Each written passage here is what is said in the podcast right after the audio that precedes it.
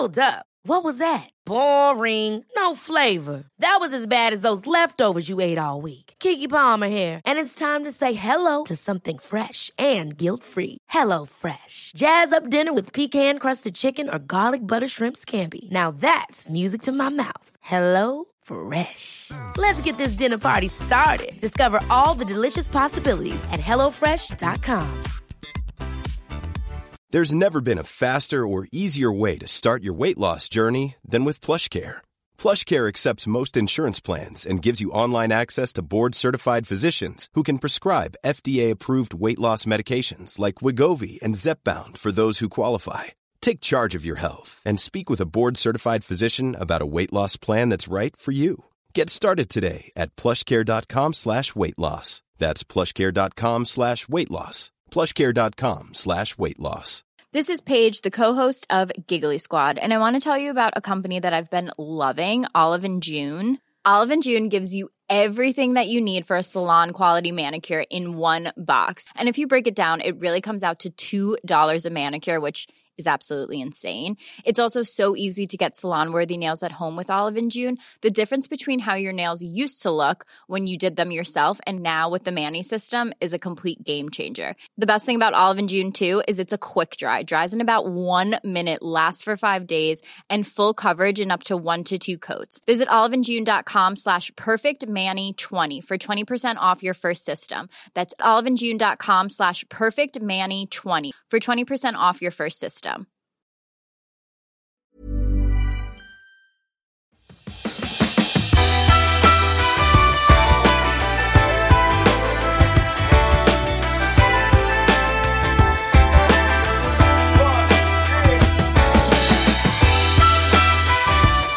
Hej och välkommen till Klimakteriepodden med mig, Åsa Melin.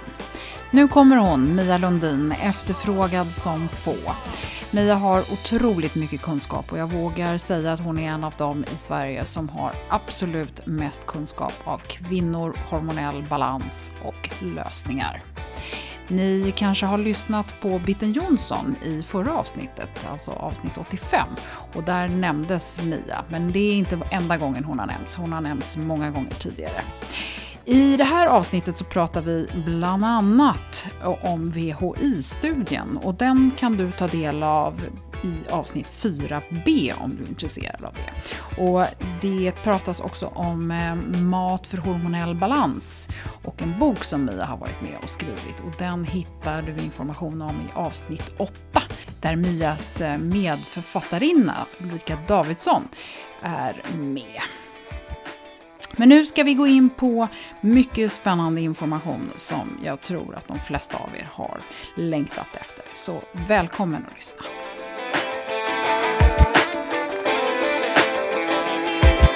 Då vill jag hälsa Mia Lundin hjärtligt välkommen till Klimakteriepodden. Ja, tack, spännande. Ja, jättespännande. Ja. Jag känner mig som att jag har gått över tiden. Hur många avsnitt kan man ha av en klimakteriepodd utan att ha med dig? Eh, men nu är du här. Eh, för ett år sedan när jag var på väg att kontakta dig var när du var i startgroparna med Hörcare. Och nu är Hörcare igång och ni firar ett års jubileum här idag. Så det är jättespännande med att eh, ha fått titta lite på det här, lite på distans kan man väl säga. Och jag har förstått att det är många kvinnor som har varit ganska desperata där ute som har fått fin hjälp härifrån.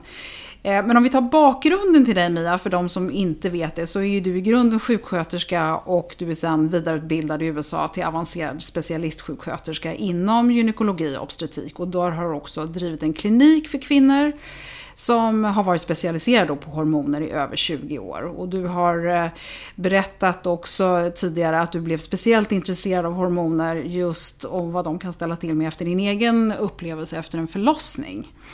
Och nu har du flyttat tillbaka från USA, eller i alla fall har en stor mm. fot i Sverige. Och driver den här eh, privata kliniken Hercare här i Stockholm. Och för många kvinnor så är du mest känd för att ha skrivit boken Kaos i kvinnohjärnan som kom ut 2011.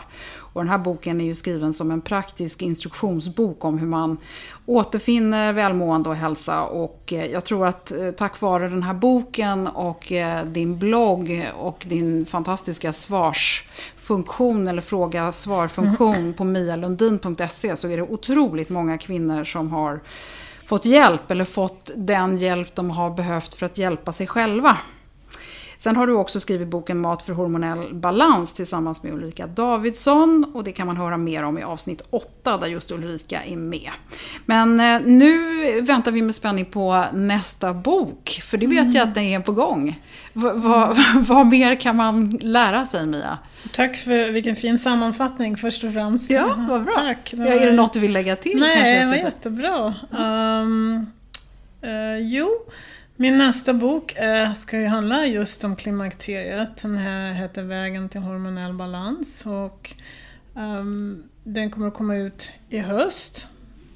Och det, Kaos i kvinnohjärnan var ju lite mer skriven för den, den amerikanska publiken så att säga. Men den här boken handlar just om hur det är i Sverige och um, Eh, att kvinnor i Sverige har inte fått tillgång till den här vården kanske i den utsträckning som de har, tycker jag, rätt till. Så det är lite grann, lite så här mm, politiskt också i, röst där i att kvinnors rätt till det här men också Exakt, vad finns det för någonting? Vad finns det för hormoner i Sverige? Vad är förklimakteriet? Vad är klimakteriet? När börjar det? När slutar det? Vilken typ av behandling är säker? Vad finns det för forskning? Vad är fördelarna och nackdelarna? För att det här, den här informationen får inte kvinnor i Sverige tyvärr i den utsträckning som de borde få, tycker jag. Nej. Men det blir ju ett jättebra eh, vapen för alla har ju inte möjlighet att komma till Hörcare tyvärr. Eh, och alla har inte tillgång till den bästa vården i Sverige av sina gynekologer. Vi ska komma tillbaka till det. Men eh, vad jag är nyfiken på först och främst är vad, vad kan man anse har hänt egentligen de senaste tio åren när det gäller kvinnoforskning med din erfarenhet också då från USA mm. Och nu när du har landat här i, i den kunskapen som finns i Sverige. Mm. Hur, hur går det framåt egentligen med just kvinnor och hormonell hälsa? Jo, det är väldigt intressant för att uh, hur länge har jag hållit på med hormonell vård nu? 20... Uh, ja, det är ju 25-27 år nu, nästan mer. Men när jag började då och blev utexaminerad och vad det Nurse Practitioner i USA, då, då var jag 89. Um, ehm, då, var, då, var, då, då sa man så här att alla borde ju ta hormoner för att det verkligen förebygger hjärt och kärlsjukdom. Och varför tar inte kvinnor hormonerna mer än tre månader? Så var diskussionen då, vilket är väldigt intressant. För att då i USA så använder man ju någonting som heter Premarina, som är östrogen oralt och tabletter utvunna ur um, gravida hästars urin. Uh, det är klart att det stämmer inte riktigt med våran biokemi så givetvis mådde inte kvinnor så bra på de där hormonerna samtidigt som de då uh, kombinerade det med ett gestagen, syntetiskt progesteron, som, och, och, det ofta får ju oss kvinnor att må ganska dåligt, just gestagenet. Så det var ju en ganska inte så bra kombination Nej. om man säger så. Och det här undrar man då i USA, varför inte kvinnor, då tog de bara tre månader och sen slängde de hormonerna i papperskorgen. Varför gör kvinnor så när vi vet att det finns sådana fördelar just med eh, att förebygga hjärt och kärlsjukdom? Jo, för de gjorde det för de mådde inte bra när de tog dem. Så var det med det. Och då tyckte jag att mm, hästhormoner och gestagener, men det är ingenting som stämmer där riktigt. Och i USA så fanns det på apoteken då biodentiskt östrogen oralt, eh, kapslar, eller tabletter förlåt, och det fanns biodentiskt progesteron på apoteken i USA. Tänkte jag att, men alltså det här, it's not making sense, mm. så vi provar det här. Och upptäckte då det här att oj, kvinnorna kom tillbaks och kissed my feet nästan för att gud vad bra jag mår och det här är ju så mycket bättre. Och då tänkte jag, ja men bra, det här funkar ju bra och sen var det som det som jag förskrev för som nurse practitioner i USA så får man förskriva um, hormoner eller mediciner också. Man får driva sin egen klinik och man får diagnostisera och, och remittera och, och allt det där. Så um, jag började använda det där och tyckte det här är ju fantastiskt och uh, hade då öppnade senare min egen klinik och um, hade till slut 4000 patienter i den här kliniken. Jag gjorde ingen marknads marknadsföring alls. Men det är ju så att kvinnor som mår bra pratar med sina vänner. Mm. Och um, ja, alla börjar ju då med de som kom till mig, mer eller mindre då bioidentiska hormoner. Och sen så kom då den här hemska studien ut. WHO-studien. Ja, WHO, Mm. Women's Health Initiative Study 2011. Som blev ju helt... Eller 2002 kom den ju ut. Ja, Och för, precis. Och sen reviderade de den, eller tittade lite närmare på den 2011. Och eh, den förstörde ju för många kvinnor på många olika sätt. Om du vill att jag ska gå in på det lite grann. VHI-studien har vi talat om i ett antal Mm. olika tillfällen, men jag är bara intresserad av hur såg det ut från i, i det amerikanska perspektivet? Mm, ja, då, då är det ju så att i USA blir man ju stämd som läkare om man gör något fel. eh, mycket lättare än här. Och eh, finns det då en 0,09% ökad risk av bröstcancer, ja då finns det en, en ökad risk. Så då slutar alla förskriva. För de blev ju jätterädda alla läkare och kvinnorna mådde ju dåligt och fick inte sina hormoner och eh, ja, så det har ju visat sig senare då, om man har tittat på retrospective studies, att hur många kvinnor var det egentligen som dog av den anledningen av att de inte fick de här, sina hormoner och sen utvecklade hjärt och kärlsjukdom. Eh, ja, det finns en studie av eh, en Dr. Surrey från um, uh, Yale University som är obstetrician där, att det är nog ungefär ja, 90 000 kvinnor eller mer som har har dött i hjärt och kärlsjukdom för att de under den här tiden då inte fick några hormoner. Nej, och då kommer ju de, kritikerna kommer ju naturligtvis säga, ja men hur många har vi räddat som inte dog i bröstcancer? Ja, precis. Ja. Ja. men då är det så att 4% dör av bröstcancer medan 45-50% generellt dör av äh, kvinnor då, i hjärt och kärlsjukdom. Så man måste ju titta på siffrorna lite grann och se vad är det vi är rädda för här egentligen, vad kan vi förebygga? Och sen nu så har det väl har det lugnat ner sig lite grann? Ja, Eller är det bara vänt. jag som tycker det? Nej, nu har det ju vänt igen. Så nu vet vi att östrogen eh, troligtvis inte orsakar, alls orsakar bröstcancer utan det kanske var gestagenet då som var orsaken till det. Eh, en, en ökad risk, inte stor risk, men det finns. Mm, Den finns där, ökad risk av bröstcancer. Så nu börjar man ju inse det här att eh, i USA i alla fall, nu är man tillbaks till att förskriva hormoner i USA och nu allt kommer har man två eller mer än två kvinnor i ett rum så pratar man klimakteriet och hormoner. Det är liksom allt man pratar om där. Ja. Eh, och kvinnor vill må bra och vill vara friska så länge som möjligt. Så de har ju förstått det där i USA.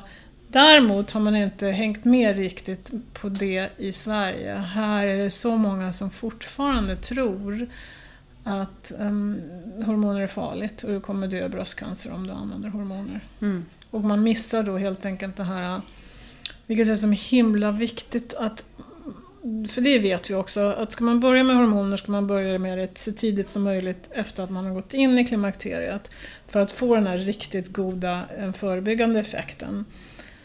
Men eh, kvinnor måste ju få den informationen någonstans att nu, så här ligger det till.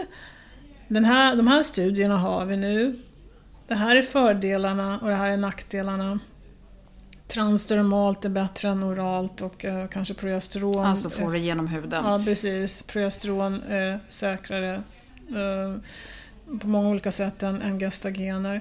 Men den informationen, det, det, det tar man inte på 15 minuter på en vårdcentral utan det här, här behöver man sitta ner och förklara. Så här ligger det till. Här är informationen, här kan du läsa mer. Nu har du, kan du göra vad man kallar ett, eh, eh, i USA, ett educated decision om vad du vill göra. Vill du ta hormoner eller inte? Det är ju ditt beslut. Men du kan inte ta det beslutet om du inte har All fakta. information. Nej, precis. Men, men eh, om man då tänker på den här problematiken som vi då har i Sverige som är att du har de här 15 minuterna. Hur, hur ska kvinnor i Sverige få tillgång till den nödvändiga informationen då? Är det bara Mia Lundins böcker som ska liksom, det verkar helt galet att det är så kvinnor ska hitta sin, eh, sin kunskap. Nej, jag tycker att det här med Hercare, anledningen att jag startade Hercare det var ju för att uh, få upp ögonen lite grann på hur man kan, vad som behövs och hur man kan hantera det här. Och anledningen att jag har barnmorskor då som träffar patienterna först här på Hercare är just att många säger varför ska jag träffa en barnmorska, jag ska inte ha barn. Nej men barnmorskorna tänkte jag, de mm, de träffar ju du under hela ditt liv. Under tonåring för preventivmedelsrådgivning, du träffar dem medan du är gravid och i mödravården. Och sen då? De har ju följt dig hela livet och det är faktiskt, finns i deras um, kompetensbeskrivning att de ska också stötta kvinnor i klimakteriet. Men de har inte fått någon utbildning direkt på det, så det är ett stort hål där helt plötsligt. Mm. Och då tyckte jag att, ja men, det är så det borde vara. Precis som vi har mödravårdsmottagningar och preventivmedelsmottagningar, det ska finnas um, förklimakterie, klimakterie, PMS-mottagningar också som drivs av barnmorskor, tycker jag, som kan ta den här tiden och sitta med patienten och förklara uh, allt det här, uh, varför du mår som du gör och fördelar och nackdelar. Och sen givetvis ska det finnas gynekologer som man också går till för att få undersökning och kanske hormonerna förskrivna av. Eller att kanske i framtiden att Likaväl som de nu förskriver p-piller så kanske de kan ta hand om den här... Äh, ja, det blir, det blir väldigt konstig gränsdragning för ja, barnmorskorna kan man ju tycka. Ja, precis. Att i alla fall de patienterna som inte har några komplexa problem eller um, kontraindikationer till HRT skulle kunna få träffa en barnmorska. Mm. Hormone Replacement Treatment, HRT. Ja. Eh, det är ju ingen hemlighet att du är förespråkare av eh, bioidentiska hormoner och du snuddade lite vid det nu. Kan vi inte bara ta den när vi ändå är inne på det? Det är, det är ju ett problem i Sverige med... Det är ju ett, eh, otroligt eh, stort eh, glapp där ute. För många av kvinnorna vill ha sitt naturliga progesteron, sitt bioidentiska eh, progesteron, medan man från professionens håll, eller så att säga de som styr här, hävdar att det finns inte tillräckligt mycket studier. Och då hänvisar man ofta till att det inte är svenska studier gjorda och det är studier på gång, men det tar tid, det tar tid, det tar tid. Och under tiden så är det fler och fler som känner sig desperata. Ja, varför behöver man helt plötsligt svenska studier när man inte behöver det i andra områden av medicin? Men just när kvinnors eh, endometrium endometrium eller slemhinnan i livmodern, då behöver man svenska studier helt plötsligt. Det finns studier. Om man, vad ska man, om man tittar på vad vill jag skydda mig mest från? Ja, jag vill verkligen inte få bröstcancer. Om vi vet det då att eh, bioidentiskt progesteron verkar inte orsaka bröstcancer eller öka risken för bröstcancer medan gestagener syntetiska gör det så kanske man vill undvika det hormonet och istället eh, använda bioidentiska. Och det man då diskuterar här är ju vad man kallar endometriesäkerheten, att man att inte eh, vi har tillräckligt med studier just med det, att, att, att skydda verkligen progesteronet ehm, um, dig från att utveckla cancer i slemhinnan i livmodern. Ja, men då kan man faktiskt göra gynundersökningar, man kan göra ultraljud en gång om, ett gång, en gång om året om man nu är så orolig över det. Men vi har studier på det också, inte jättestora studier, men vi har studier som visar att progesteron verkar också skydda slemhinnan från att utveckla då hyperplasi och sen cancer. Mm. Så att um, jag tycker varför det är så trögt och speciellt när man gör det i andra länder som USA, där har vi använt det så länge jag har praktiserat nu, biodentiskt progesteron. Om man tittar då på rekommendationer från North American Menopause Society, vilket är en tung uh, organisation i USA, uh, och eh, uh, Climacteric International Menopause Society i England. De rekommenderar att gynekologer kan välja mellan progesteron eller gestagener. Men här i Sverige, jag förstår inte varför det ska vara så himla svårt uh, att kunna ändra på någonting. Och det är ju inte bara ska man titta på det, vad, som, vad, det, vad det som är säkert och vad som är, kan orsaka sjukdom, det vill vi absolut inte. Men det också handlar också väldigt mycket om hur kvinnor mår på de olika preparaten. Vi vill ju fortsätta fungera. Vi vill inte bli mer oroliga eller inte kunna sova eller få biverkningar utan vi vill ta sådana hormoner som kroppen känner igen, som kroppen mår bra av, där kroppen också, ja, där du också får den här förebyggande effekten.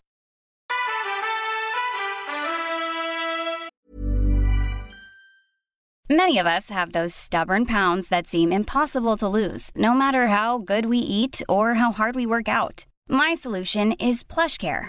PlushCare is a leading telehealth provider with doctors who are there for you day and night to partner with you in your weight loss journey. They can prescribe FDA-approved weight loss medications like Wagovi and Zeppound for those who qualify. Plus, they accept most insurance plans. To get started, visit plushcare.com slash weight loss. That's plushcare.com slash weight loss. Ever catch yourself eating the same flavorless dinner three days in a row? Dreaming of something better? Well, HelloFresh is your guilt-free dream come true, baby. It's me, Gigi Palmer.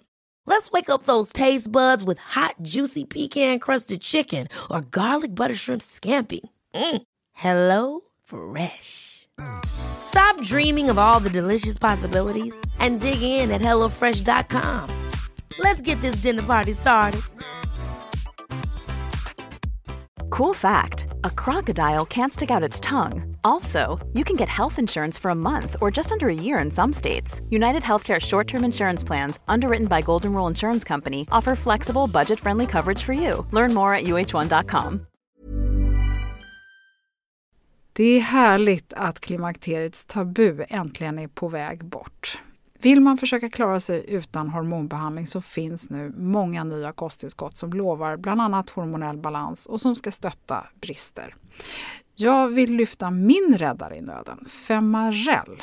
Det har inte bara varit min utan många andra kvinnors räddning i över 20 år. Och med lång tid på marknaden, med nöjda användare, dessutom med 20 forskningsstudier så vågar jag säga att det kan vara en god idé att prova Femarel. Femarel finns på apoteken och i hälsokostbutiker. Tack Femarel som varit min samarbetspartner i många år. Om man eh, tittar på statistiken idag så, så är det någonstans runt 7-8% av svenska kvinnor som eh, väljer eller får rekommenderat eh, att använda någon form av hormonbehandling i klimakteriet. Den här siffran är lite ökande men det är fortfarande väldigt, väldigt låga siffror. I storstäderna är den tydligen lite mer men slår man ute på landet så är det fortfarande väldigt lågt. Om du som ändå är hormonvänligt inställd, om du skulle gissa, hur många kvinnor tror du eh, som går igenom klimakteriet skulle behöva eller kunna må bättre av det? Om vi bortser från det här förebyggande med hjärt-kärlsjukdomar. Mm. Ja, visst, det, nästan alla skulle kunna må bättre, eh, men man mår ju dåligt av många olika orsaker så är orsaken att till exempel här är du, du har mått bra mesta delen av ditt liv, du tar bra hand om dig själv, du stressar inte för mycket, du har inte, har inte satt, satt ribban för högt så att säga, du sover, du äter bra mat och tar hand om dig själv och mår bra. Och sen så hamnar du i klimakteriet och helt plötsligt så känner du att eh, det här är inte, vad är det här för liv? Jag mår fruktansvärt dåligt, jag kan inte sova, jag har vallningar eller jag har ingen motivation, jag har ingen lust med någonting längre och känner att du gräver djupare och djupare i det här svarta hålet. De kan ju vända bara på några dagar med ett östrogenplåster. Mm. Och, och, det är ju hemskt, för många kvinnor vet inte, de tror att okej, okay, jag har gått in, jag har ingen mens längre, jag är i klimakteriet, men de har inte riktigt kunskapen om att faktiskt det här att jag inte har lust med någonting, att världen känns grå, att jag gråter för minsta lilla, att jag inte kan sova och allt det där har att göra med lågt östrogen för de har bara hört om torr slida och vallningar ungefär. Så jag tror att Problemet är inte, och det är en bra fråga men jag kan inte säga exakt hur många det är som skulle kunna må bättre men vad som är viktigt att veta är att, att de vet att det kan ha att det kan vara orsak, symptomen som de har kan vara orsakade av lågt östrogen. Mm. Så att de sen kan i alla fall få välja eller mm. veta att de ska, vem de ska uppsöka för hjälp. Mm.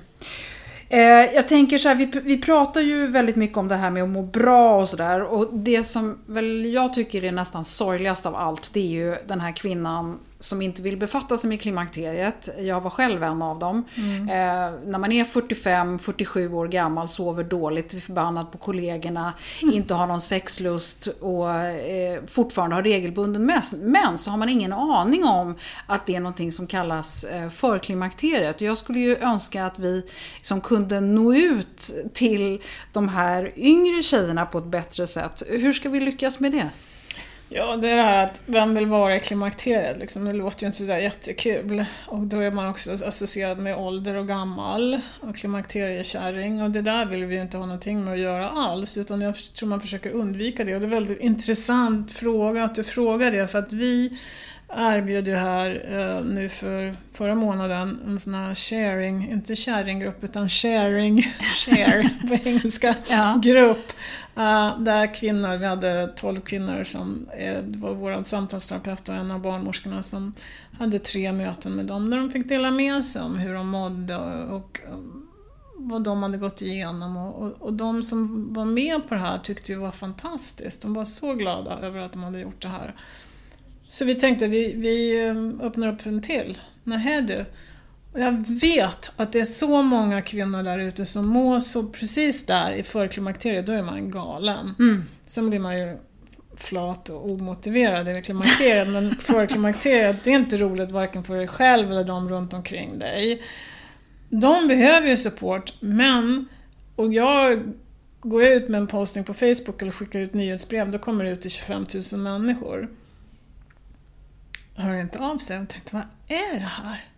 De är, jag vet att de är där ute och mår jättedåligt och behöver den här supporten, men det är nog just det att i Sverige är man inte redo att prata om det här riktigt, eller dela med sig, eller erkänna för sig själv att oh oh.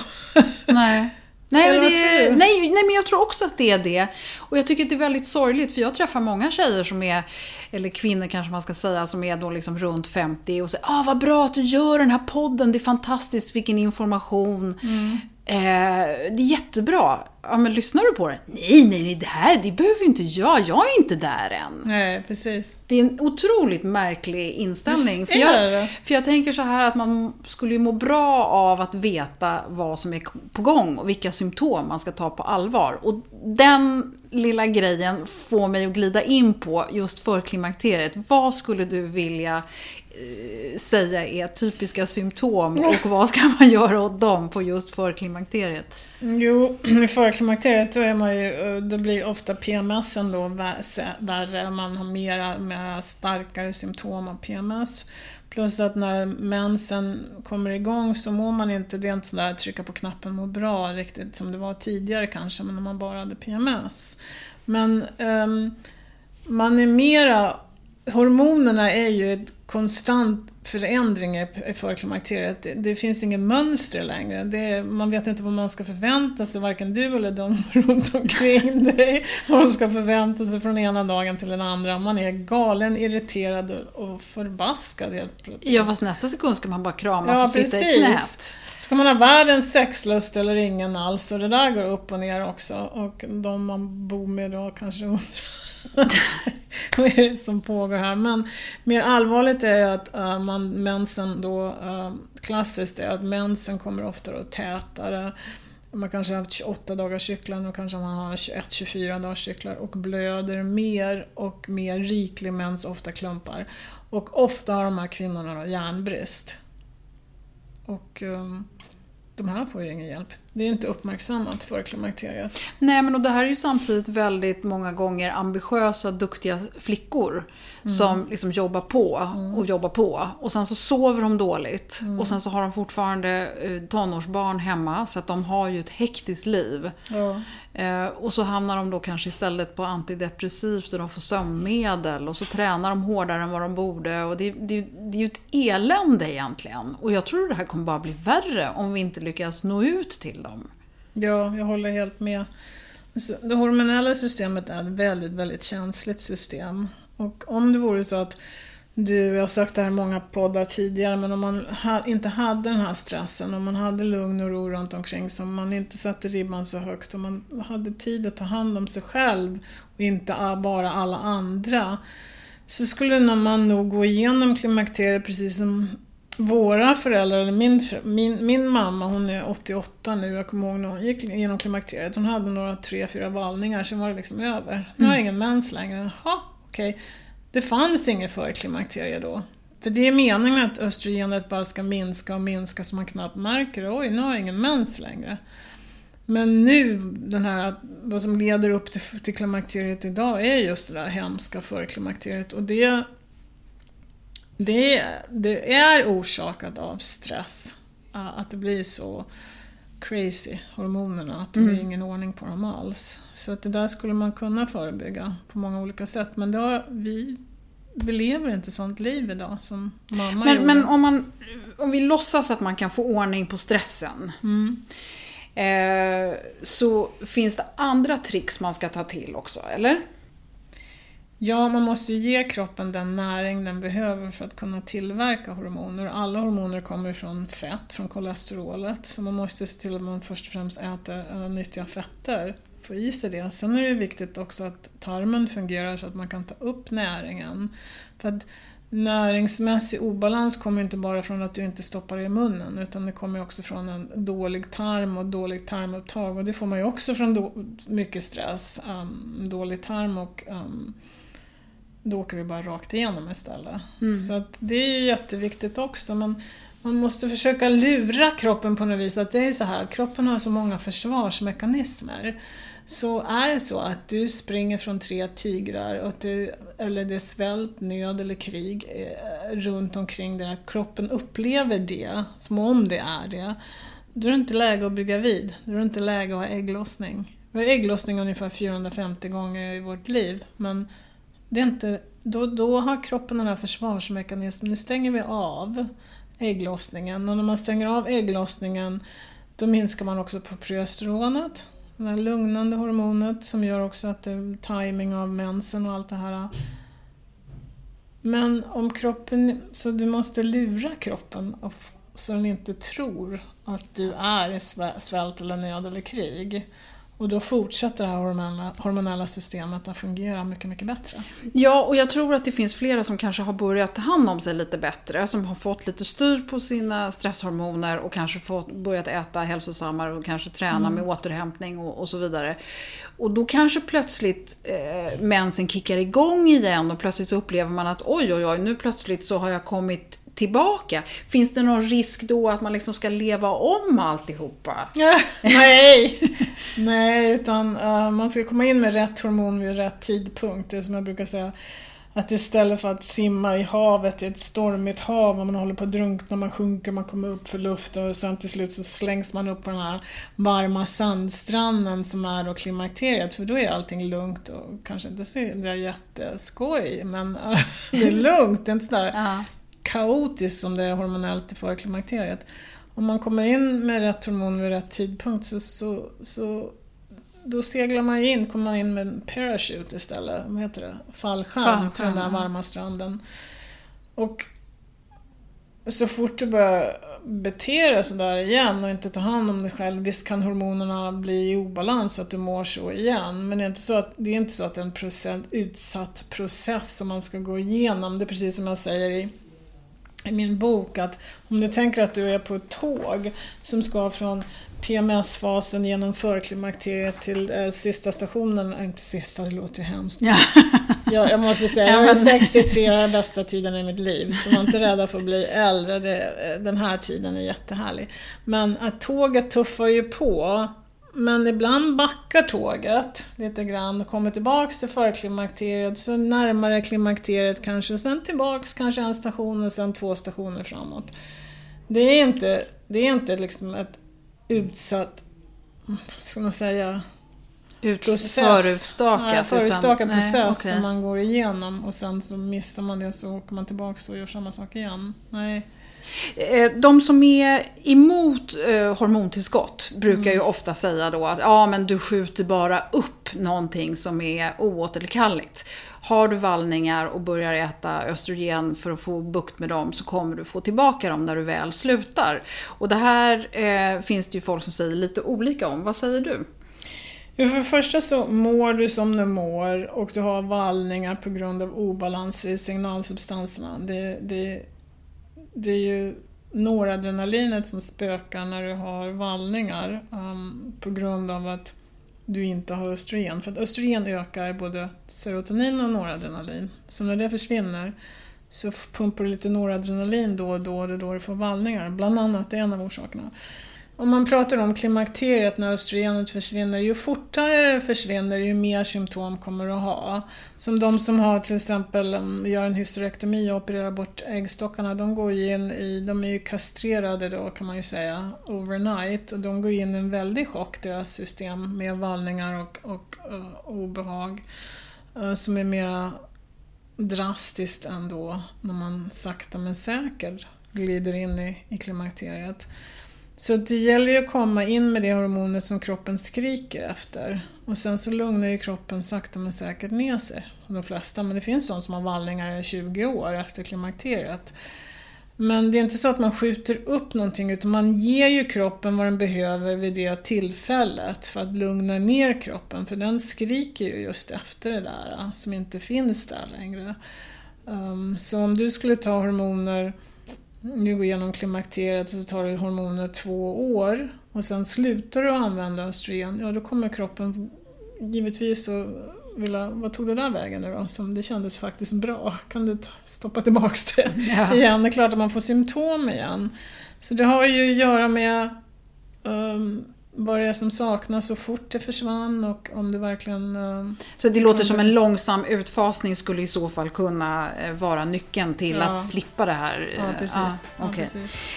Eh, tusen tack Mia. Vi nöjer oss där för idag och eh, vi sitter kvar här och eh, fortsätter samtalet. Men ni som lyssnar får ge er till tåls en vecka så kommer fortsättningen i nästa avsnitt. Så tack för nu Mia. Mm, tack själv.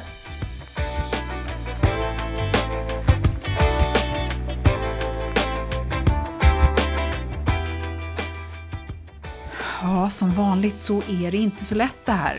Men eh, vi ska fortsätta i nästa avsnitt när vi ska prata lite mer om eh, existentiella frågor, men vi går också in på ytterligare lösningar för dig som är intresserad av hur bra man kan må i klimakteriet helt enkelt. Och som jag sa i början så lyssna gärna på avsnitt 8 där vi pratar med eh, Ulrika Davidsson om boken Mat för hormonell balans som också nämns i avsnittet. Och på klimakteriepodden.se så finns också några länkar och likadant på Klimakteriepoddens Facebook-sida.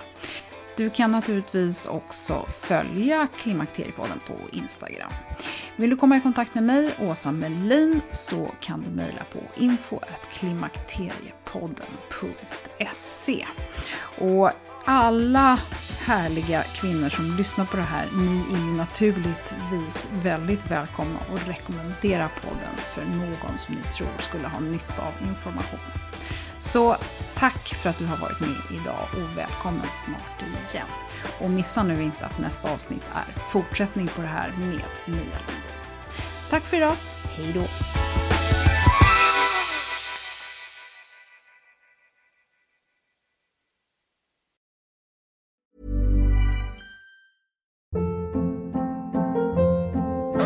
Hold up. What was that? Boring. No flavor. That was as bad as those leftovers you ate all week. Kiki Palmer here, and it's time to say hello to something fresh and guilt-free. Hello Fresh. Jazz up dinner with pecan-crusted chicken or garlic butter shrimp scampi. Now that's music to my mouth. Hello Fresh. Let's get this dinner party started. Discover all the delicious possibilities at hellofresh.com. Planning for your next trip? Elevate your travel style with Quince. Quince has all the jet setting essentials you'll want for your next getaway, like European linen, premium luggage options, buttery soft Italian leather bags, and so much more. And is all priced at 50 to 80% less than similar brands. Plus, Quince only works with factories that use safe and ethical manufacturing practices. Pack your bags with high-quality essentials you'll be wearing for vacations to come with Quince. Go to quince.com/pack for free shipping and 365-day returns.